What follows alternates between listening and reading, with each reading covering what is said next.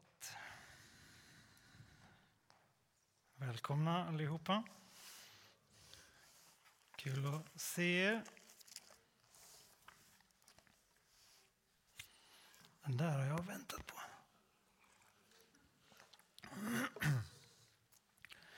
Jag fick ju frågan av eh, svärmor om, eh, om jag tycker om att predika. Ehm, och så väntade en stund och tänkte ja och nej. Det är eh, man får göra det som, eller få dela och tala det som Gud har lagt på ens hjärta. Och om, om eh, det är en sak som du vet att Herren vill att du ska göra. Men underbart att få göra det. Och samtidigt tungt och samtidigt onaturligt att stå inför massa människor. Liksom. Eh, så att eh, jag säger ja och nej på den. Ehm, är det någon här inne som har varit eh, domare någon gång för en sportmatch? Räck upp en hand. Någon som varit domare någon gång? Ja. Jag eh, fick hoppa in som domare en gång eh, när jag gick i tvåan på gymnasiet. Skulle döma en innebandymatch i DM. De gick i nian. Och... Ehm,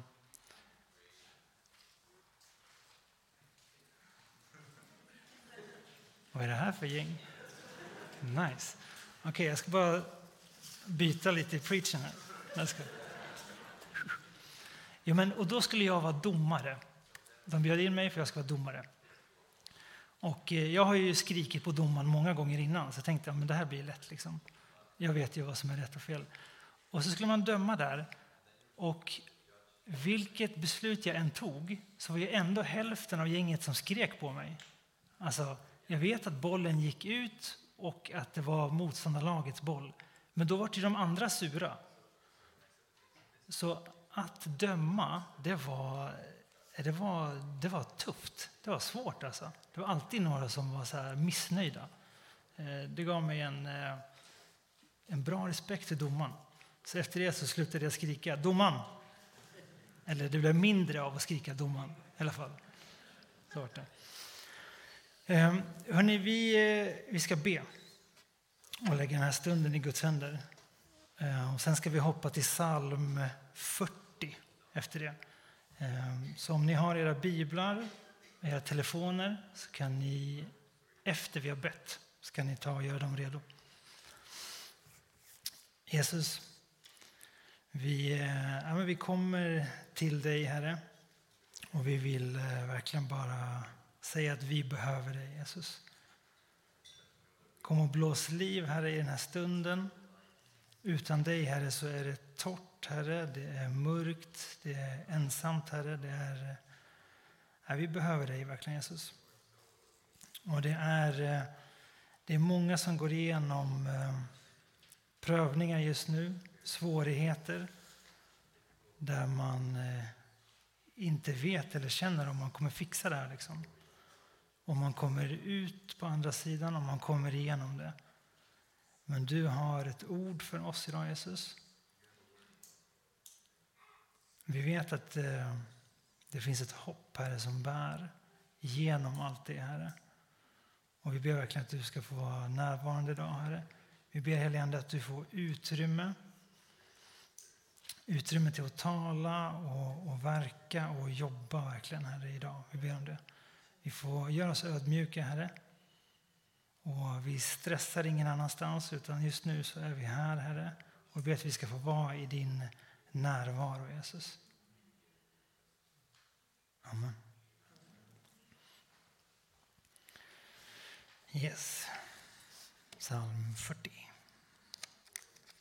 Och då är det vers 2 till 3.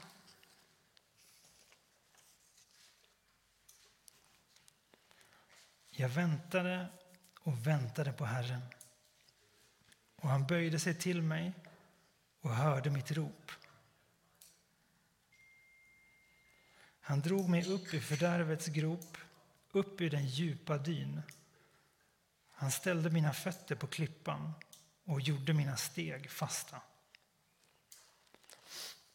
Men temat ehm, för idag, temat för preachen idag är genom vildmarken. Genom öknen. Jag kommer använda öknen och jag kommer använda vildmarken. De kommer bara liksom skjuta sporadiskt från olika håll. Men, men vissa av er här idag och de som kommer att lyssna efteråt går igenom väldigt tuffa tider just nu. Tuffa stunder. Det är eh, ja, men just som man bad, att man kan liksom... Man vet inte, kommer jag fixa morgondagen? Och man liksom... Man hör inte Gud. Man känner inte Gud. Alla andra håller på att prata om att ja, men du behöver bara liksom göra det här eller du behöver bara göra det där. Men, men du känner liksom inte Gud som du har gjort tidigare. Och du försöker be kanske, du försöker läsa Bibeln och det är torrt. Det är liksom, jag får ingenting. Um, och ibland kan det nästan som i så här, äh, kristna sammanhang kan det komma lite av en, ja, men nästan som en liten som en skam av att så här, men du, du borde lösa det här. Eller att du går igenom svårigheter skulle vara ett, på något sätt ett tecken att ja, men du har gjort fel. Liksom, du har syndat eller du har gjort någonting fel. Men vi kommer att gå igenom smärta, vi kommer gå igenom svårigheter, vi kommer gå igenom prövningar. Jesus själv har sagt det. Och genom Bibeln, från perm till perm, så har vi jobbiga men underbara exempel på hur Jesus bär igenom det här, de här otroligt mörka liksom, stunderna. Men, eh, men just den här, jag kan tänka mig lite i kristna sammanhang så kan det vara dels ödmjukande men också lite jobbigt ibland när man går igenom svårigheter. För man kan känna liksom så här, ja, men, ja, men jag borde, jag borde ha mer tro. Tro bara, så löser det sig. Liksom. Ja, men jag har trott, jag har bett, jag har fastat. Jag har gjort alla de här sakerna, men det är mörkt. Det är tufft. Liksom, den här räkningen ska fortfarande betalas. Och det är imorgon. Ehm.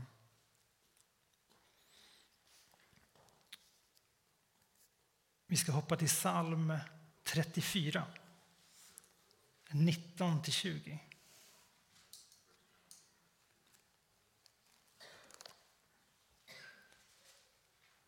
Det är lite fusk att det kommer upp här bakom. Då blir man lite, man blir lite slapp. Man tar inte med sig sin bibel. Eller liksom sin, eh, men det, vi ska se om vi kan få lite tekniska problem till nästa söndag. Då, då får vi nog fart på det här. Um, ja.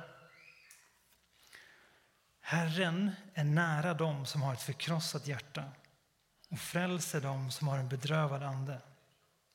Mycket får den rättfärdige lida, men Herren räddar honom genom allt, ur allt. Ehm. Och jag kommer inte stå här idag och säga att det du går igenom är lätt eller att jag vet eh, vad du känner eller hur du känner. Liksom. Ehm. Men jag kan ändå säga att Gud älskar dig. Att han älskar dig otroligt genom hela den här tuffa perioden, även när du inte känner det. Och Det är eh, otroligt viktigt att ja, få höra och få veta. Och, och, även om jag inte skulle kunna sätta mig in, eller någon annan bror eller syster eller inte ens din man eller din kvinna skulle kunna sätta sig in i vad du går igenom, så kan Jesus kan sätta sig in i vad du går igenom. Han har medlidande med vad du går igenom. Eh, och där, jag har quotat det många gånger, men det finns en sån underbar del i Bibeln som säger liksom att Jesus har gått igenom allt det här och därför så har han medlidande med oss som en överstepräst. Han är liksom inte någon som är långt borta, utan han har varit där. Han har gått igenom det som du går eller kommer gå igenom. Ehm, och då skulle jag vilja hoppa till Romarbrevet 8, 35.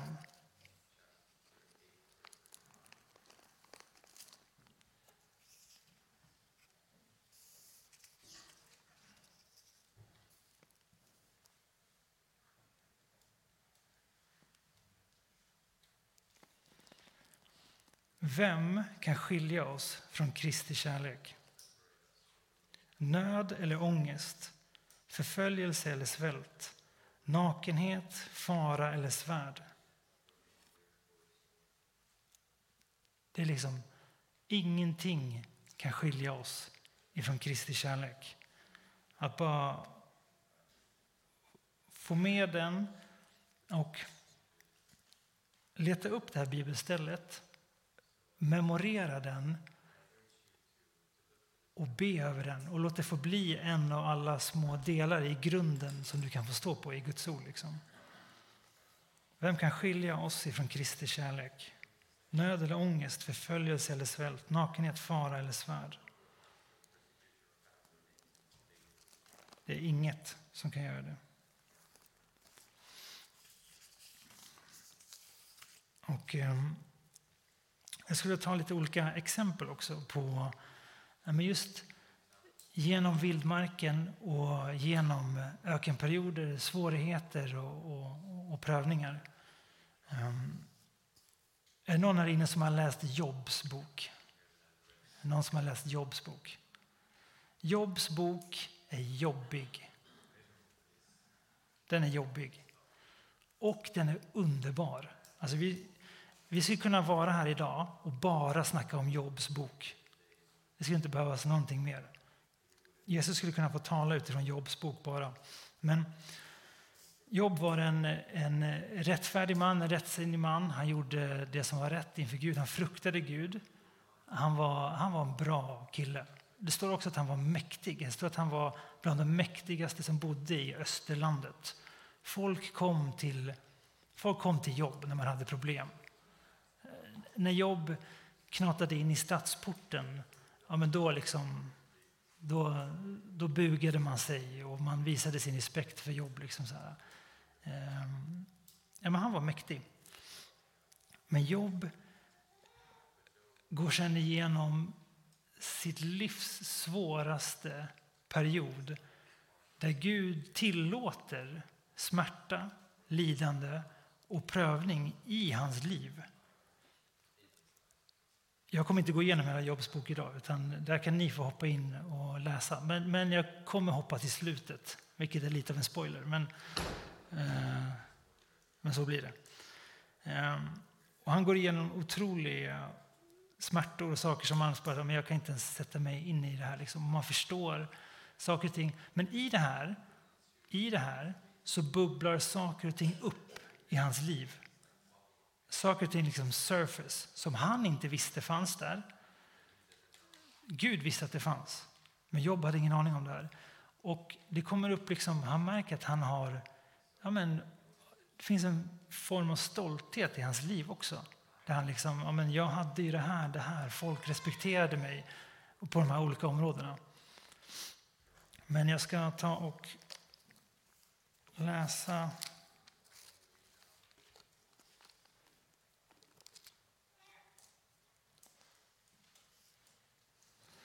så här. Vi hoppar inte in i det nu.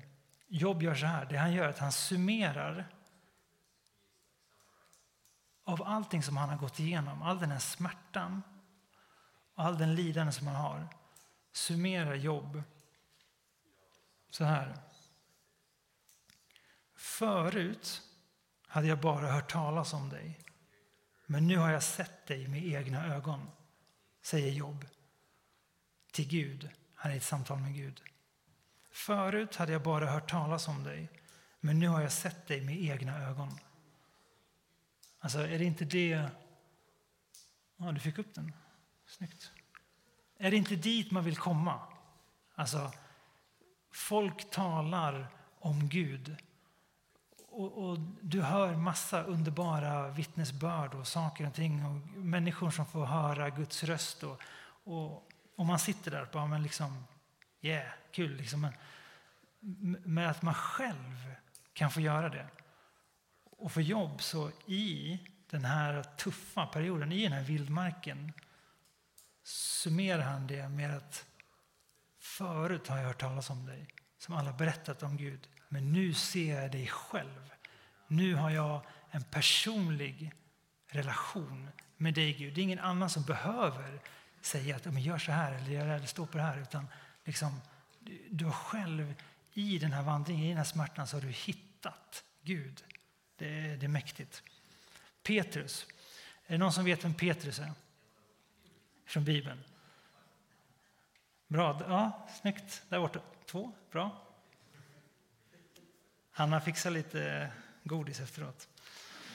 Um, jo, Petrus var ju en av de alltså, mest framstående lärjungarna och, och, verkligen i framkant, all in, all the time. Liksom. Och var det någonting så bara, men du, Jesus, jag är med dig. Liksom. Jag kommer inte falla. Jag kommer inte, även om alla andra, om alla andra förnekar dig så kommer jag inte göra det. Det är, liksom, det är Petrus. Eh, liksom, det är så vi läser honom. Tänk dig då att på den dagen när din närmaste vän behöver dig som mest så förnekar du honom. Inte en gång, inte två gånger, utan tre gånger samma dag. Så backar Petrus och säger jag, jag känner inte honom, jag känner inte Jesus. Jesus blir alltså tagen ifrån Getsemane trädgård på ett lite kriminellt sätt. Och de tar honom bakom kulisserna, för in honom och misshandlar honom och vittnar falskt emot Jesus. Och där har lärjungar splittrats och Petrus följer med och tittar liksom i, i eh, periferit och smyger in på gården. Och sådär. Men, men just det att han, han hjälper inte Jesus någonting. Alltså han tappar ju verkligen. Och han backar undan och till och med förnekar Jesus. Tänk dig, tänk dig den perioden som Petrus är i just nu, den vildmarken han är i. Och jag kommer hoppa tillbaka på den sen. Och sen så skulle jag vilja dela lite ifrån, ja, men från min egen eh, del också, min egen period. Man har ju gått igenom eh, eh svårigheter i, i livet. Sådär. Och jag bara blickade tillbaka lite så att bad och tänkte så här, ja men ja, men dels i skolperioden, om man försöker hoppa tillbaka redan till skolan, så kommer jag ihåg en tuff, en tuff period var när man... Jag hade gått i samma klass från lekis, hette det på den tiden. Från lekis till femman gick jag i samma klass. Alltså vi var så tajta. Och sen skulle man börja sexan och klassen blev splittrad. Och eh, min bästa kompis Max, han hamnade inte i min klass. Så gör han i en annan klass och man ska liksom skaffa lite nya vänner. Och, ja, men det, det, är liksom, det är tufft, det är svårt. Och sen så minns jag någon gång när jag sa till mamma liksom så här. Jag har finnar, jag har glasögon och jag har tandställning. Alla tre samtidigt under perioden när man gick i sjuan eller liksom så här, som jag tyckte var jobbigt. Liksom så här. Ja, men det, var en, det var en svår period i skolan. Att försöka hitta, liksom sin, eh, hitta nya vänner. Och det var så här, eh, men när jag tittar tillbaka på det Ofta när man är i någonting tufft eller när du är i någon, liksom, en prövning, någonting, man märker inte riktigt då, men när man ser tillbaka i backspegeln på saker och ting så kan jag se att alltså hjälp, det där kunde ju gått hur illa som helst. Eller Gud bar verkligen på det där området, eller liksom den här delen. Ehm, så ibland så är det att man måste gå tillbaka i. Jag sportade jättemycket. Eh, innebandy var min... Jag skulle nästan säga att jag hade min identitet i sport. Det var min identitet när man gick liksom i ja, men, åtta, nian uppåt. Så här. Och vid ett tillfälle så går mitt korsband av. I knät så har du liksom, det går ihop som, som ett kors ungefär som håller ihop. Och den går av på en innebandymatch. Um, och det var sjukt jobbigt. Um, jo. För att då, när jag är där på sjukhuset, då minns jag hur läkaren säger, alltså det har inte gått upp för mig riktigt när man är där hur illa det är. Men då säger läkaren så här, ja, men du är borta minst åtta månader framåt till, liksom, till ett år på rehab. Och då kände jag hur bara, det vart bara mörkt liksom, för mig.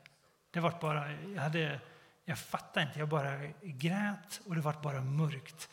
För jag kunde inte sporta, jag kunde inte idrotta, jag kunde inte röra på mig. Liksom. Ehm, det var otroligt jobbigt. Och jag kommer hem och jag ska vara i gips och man ligger där i soffan och jag kan inte, jag kommer ingenstans.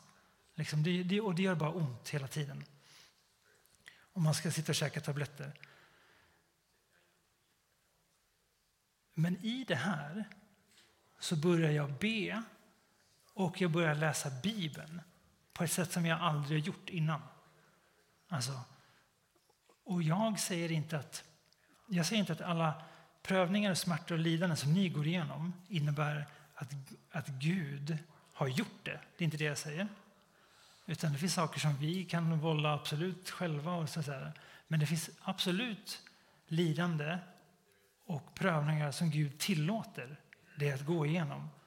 Och det jag märker är att det drar en, det kan dra en närmare Gud. Och i det här tillfället så gjorde det det verkligen för mig. Och sen vidare in i, i livet, åren tickar på och eh, vi har eh, två underbara barn. Och eh, ja, men livet eh, liksom, ja men två kids, det var så här, ja men det snurrade på, allting var, det kändes bra så att ja, men, ja, men vi kanske ska skaffa till barn liksom så här. Och sen så minns jag telefonsamtalet. En del har hört det här förut, en del har inte hört det här förut. Men då ringer Hanna, liksom så här, vi visste att Hanna var gravid. Och i det här så, jag, innan har jag sagt upp mitt jobb, min fasta anställning och jag startar, ska starta eget företag. Jag har känt lite gudalätten i det. Och så, så ringer Hanna så här. Hon bara, du, eh, sätt dig ner. Jag bara, ja, nej, vad, vad, är det liksom? Så här. Hon bara, jo men sätt dig ner kära. Jag bara, okej. Okay. Hon bara, det är två. Jag bara, två vad då? De är två. Så jag bara, okej, okay, vi ska få tvillingar. Ska vi få. Och så det bara snurrar i skallen. Så bara, jag måste skaffa en större bil. Kan vi bo kvar? Um, men, och, eh, och jag vill inte ens tro på det först. Jag sa nej men Hanna, nej men liksom, eh, hon hade gått på någon liten så här eh, ultraljud som var någon inte, det finns bättre ultraljud. Så bara, du, nej, det är inte tvillingar, sa jag. Liksom. Och, och jag minns att jag till och med jag bad hemma. Liksom, bara, Gud, men, om den här bägaren inte, om jag inte måste ta den här bägaren, liksom, låt, den, låt den passera. Nej, men det är så här. Ja. Och, eh, och vi får våra tvillingar. Och de är alltså sjuka ett och ett halvt år, typ. Alltså, de hade i princip alla sjukdomar som man kunde få. Liksom. Det, var, det var helt... Eh, jag vet inte vad vissa grejer. Och, och, och läraren, läkaren skrev ut någon antibiotika som de fick som vi skulle smörja på och det var fel och det blev bara värre. Och du vet så fort, så fort en av tvillingarna började förnimma en förkylning då var det liksom så här, andningssvårigheter, andningsproblem, in till KS, syresättning, fram och tillbaka så här, fick man två timmar sömn sammanhängande på natten, då var det bra. liksom. Eh, ja, men det var, och ni som är småbarnsföräldrar, har varit småbarnsföräldrar eller är på väg in i småbarnsåren. Ni, nej men så här,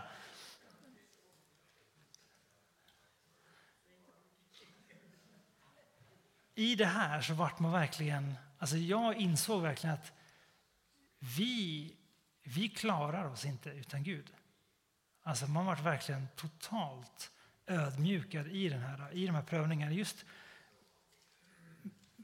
att man känner sig, man var så liten, man var så liksom, man, man höll inte. Och Hanna får ju liksom problem med, eh, med hjärtat under tiden också.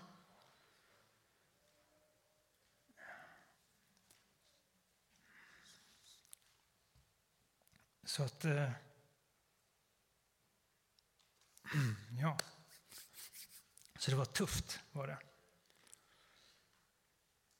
Men man, när man ser tillbaka i backspegeln i det här så har vi kommit Jesus så otroligt nära. Alltså det, är, eh, det var där det var där som man blev ödmjukad på riktigt. Alltså om jag hade talat om ödmjukhet innan, då visste jag inte vad det var. Alltså efter det här så var jag, jag var broken alltså. Eh, helt, verkligen. Och, bara, och, och i det bara fick bara komma närmare Gud. Det var helt, eh, det helt otroligt. Och så kollar man i backspegeln nu med våra un, underbart att ha fyra barn, så otrolig blessing, så otrolig välsignelse. Liksom. Men hur Gud kunde använda de första åren liksom, till att komma närmare honom. Ehm, det finns en bild i Bibeln också hur Gud med Israel, hur han tar Israel ut ur Egypten genom öknen till det förlovade landet. Och den bilden är så otroligt bra. Så otroligt, eh, på tal om bilder så ska Erik få slänga upp en bild under småbarnsåren som jag tänkte att jag hade som jag var tvungen att bara visa i... Ja, kör nästa. Man var rough, alltså. Det här är liksom, su sug in eh, det där riktigt. Det var... Ja, kör nästa. Den här hittade jag. Liksom. Här är ett av barnen som har kommit och tagit kort på mig. Skulle man kunna zooma in på mina ögon där så är det bara... Det är ingenting. Det finns ingenting där. Det är bara svart. Jag stirrar ut i någonting. Men jag vet inte vad det är. Och det tar Gud... Okej, okay, bort. Radera. Bort från filsystemet. Och Gud tar det och gör någonting sjukt bra av det. Men när man är där och då, då är det så här, Gud, vart är du? Vem är du? Jag har hört talas om dig, men vart är du nu? Liksom, jag behöver dig nu. Och så vandrar man i det här. Och, och, ja, ibland upplever man Herren, ibland är det bara torrt. Liksom Gud. Um, Jesus har en ökenvandring. Man skulle kunna köra en hel söndag bara snacka om Jesus ökenvandring. Jag kommer inte göra det nu. Men eh, in och läs om den också. Hur Jesus har en eh, otroligt tuff period i, i vildmarken. Liksom. Jag har ett mejl också som jag skulle läsa som jag fick. Um.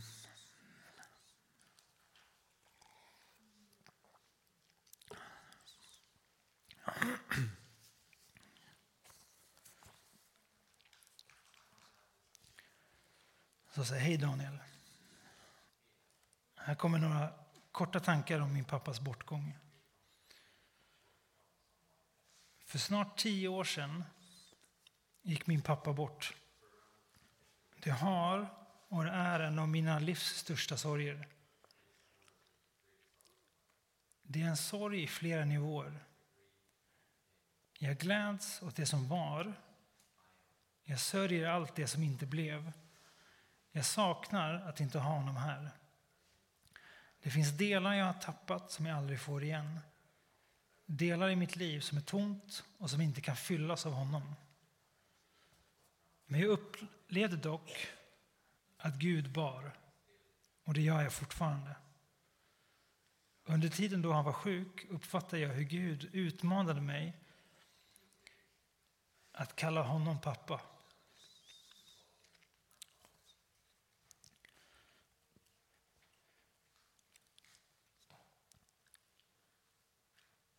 Det var som att Gud ville kliva in och bära där min pappa var. Tidigare burit mig.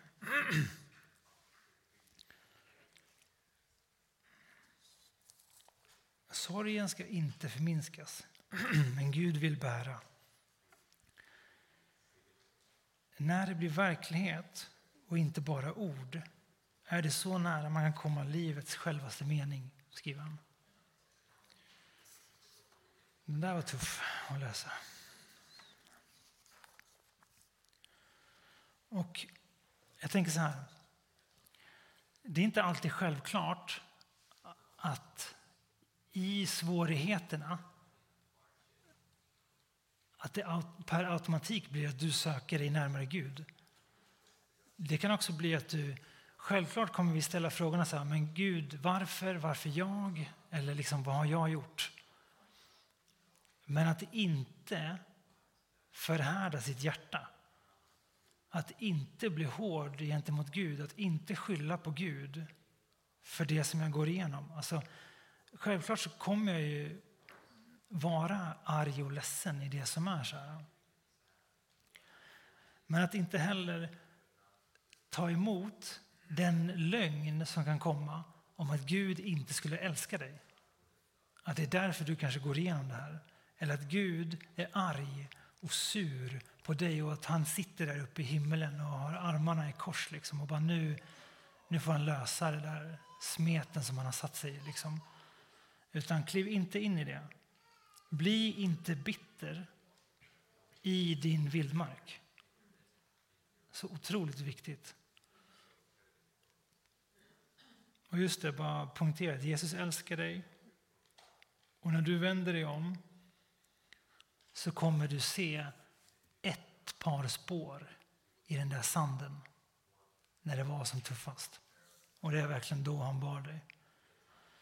Judas, han dör i sin vildmark. Gör inte det du. Petrus, som har förnekat Jesus och gjort så här. Han gråter bittert och han blir ledsen, han blir arg, han blir sur på sig själv. Men det händer någonting där. Det finns en skillnad här mellan Judas och Petrus.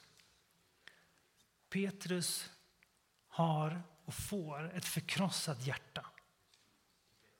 Där han ångrar saker och ting och, och liksom söker sig till Herren.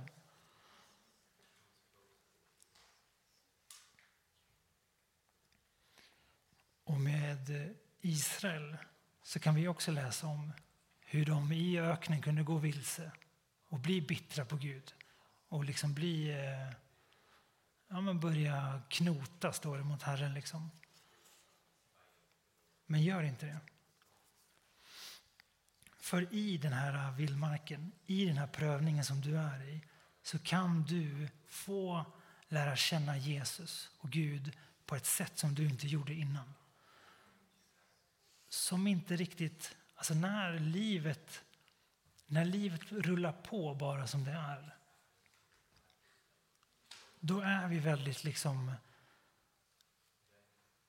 Ja, men vi blir ytliga, skulle jag säga, med Gud. Vi blir ytliga lite i vår relation. I de här tuffa stunderna så blir det som att vi inser att vi är verkligen ingenting utan dig, Herre. Vi är grenar i ett träd liksom bara.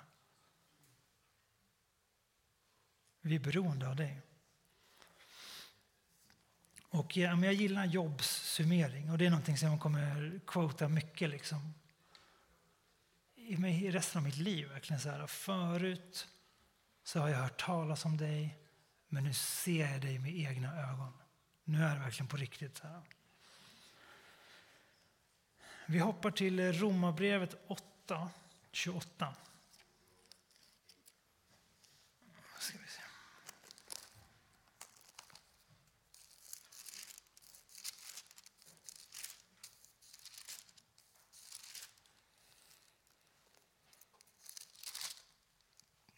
Ah, ja, det går ju snabbare att läsa där. Vi vet att allt samverkar till det bästa för de som älskar Gud, som är kallade efter hans beslut. Alltså att bara ha med sig den grunden också i det du går igenom. Alltså det kommer samverka till det bästa. Kommer det vara lätt? Förmodligen inte. Men det kommer samverka till det bästa. Alltså, jag fick en bild en gång också så här.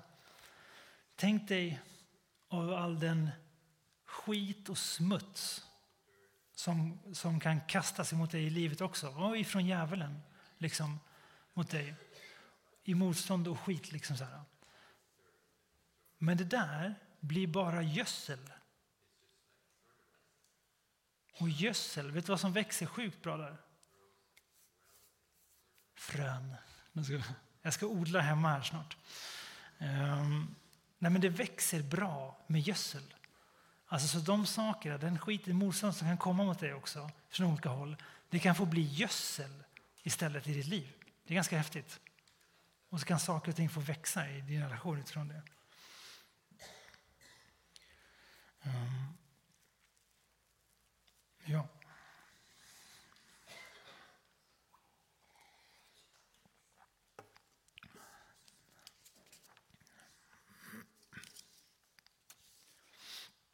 Jag tänker lite, prata om den här relationen som du kan få med Jesus också.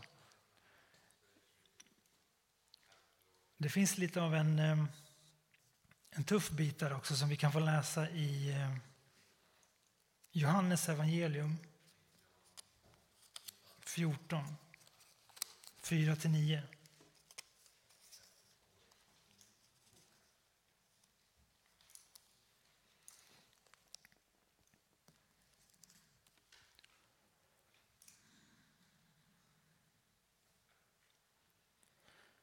Och vart jag går, det vet ni. Den vägen känner ni.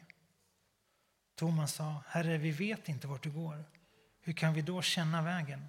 Jesus sa till honom, jag är vägen, sanningen och livet. Ingen kommer till Fadern utan genom mig. Har ni lärt känna mig ska ni också lära känna min far. Nu känner ni honom och har sett honom. Men Filippus sa, Herre, visa oss Fadern så räcker det för oss. Jesus svarade, så länge har jag varit hos er och du har inte lärt känna mig, Filippus. Den som har sett mig har sett Fadern. Hur kan du säga visa oss Fadern? Ja, men den här texten har gripit mig många gånger. Liksom, att Filippus, han har varit med Jesus under en period. De har varit här med Jesus. Men Jesus säger, ändå känner du inte mig. Alltså du kan komma till en kristen gemenskap, du kan vara här, du kan hänga här. Men du lär inte känna Jesus. Är det sant? Du kan alltså glida med i en gemenskap där Jesus är i centrum men du själv har inte fått det här mötet med Jesus. Och det är där jag verkligen tror att i din vildmark, i din öken, så finns det möjlighet att få gripa tag om Jesu fötter och bara liksom, jag behöver dig. Och där och då kan du få den här början av en personlig relation.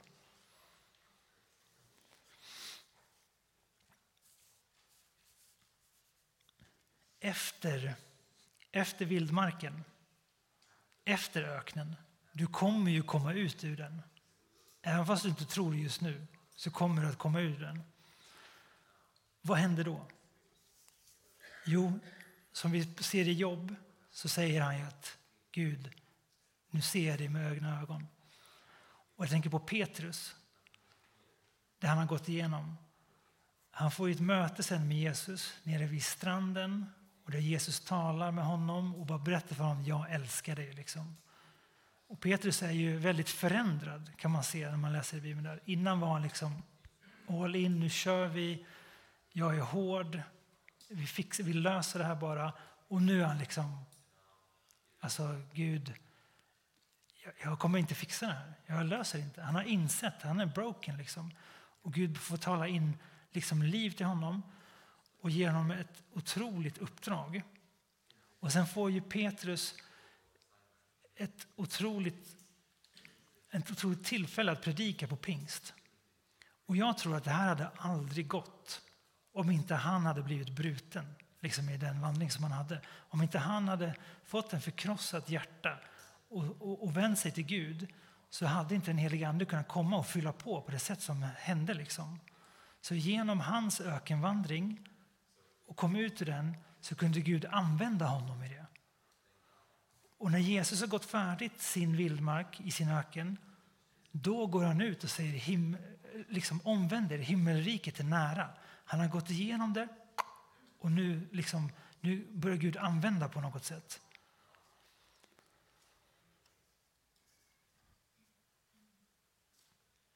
Mm.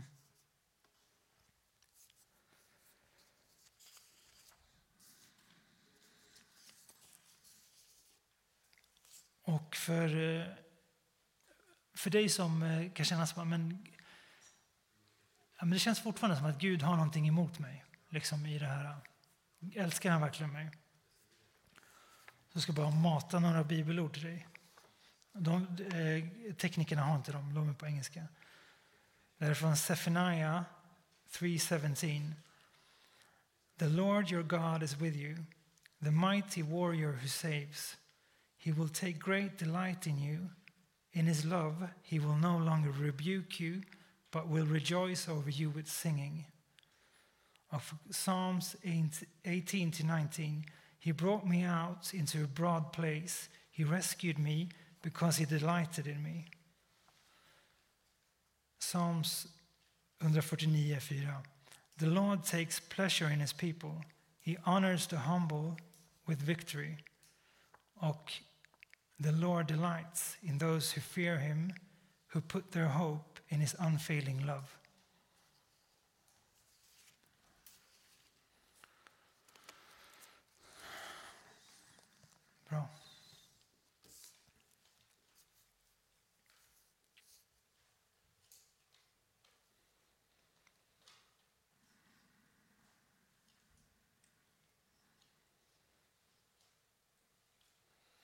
Så Gud är större än din vildmark.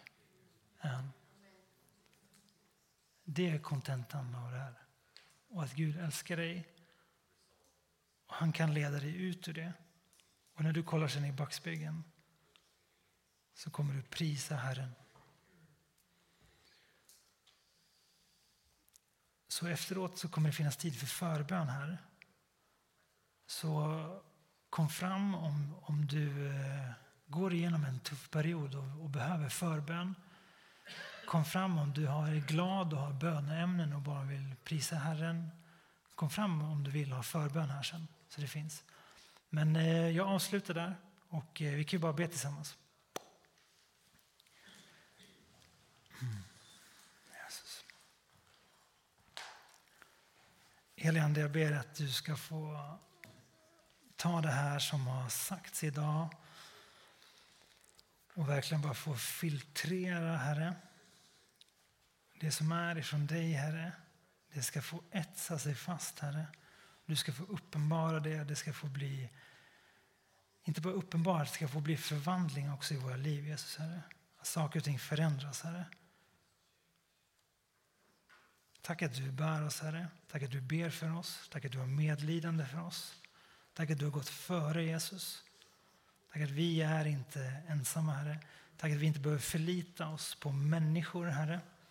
Vi behöver inte förlita oss på jurister eller läkare eller forskare eller andra mäktiga människor. Jesus säger att vi kan förlita oss på dig och din heliga Ande, Herre. Som kan hela, som kan leda, Herre. Som kan lära oss. Jesus Kristus, du är vår lärare. Du kan uppenbara ordet rakt av bara för oss när vi sitter där hemma, Jesus. Vi tackar dig för det, Herre.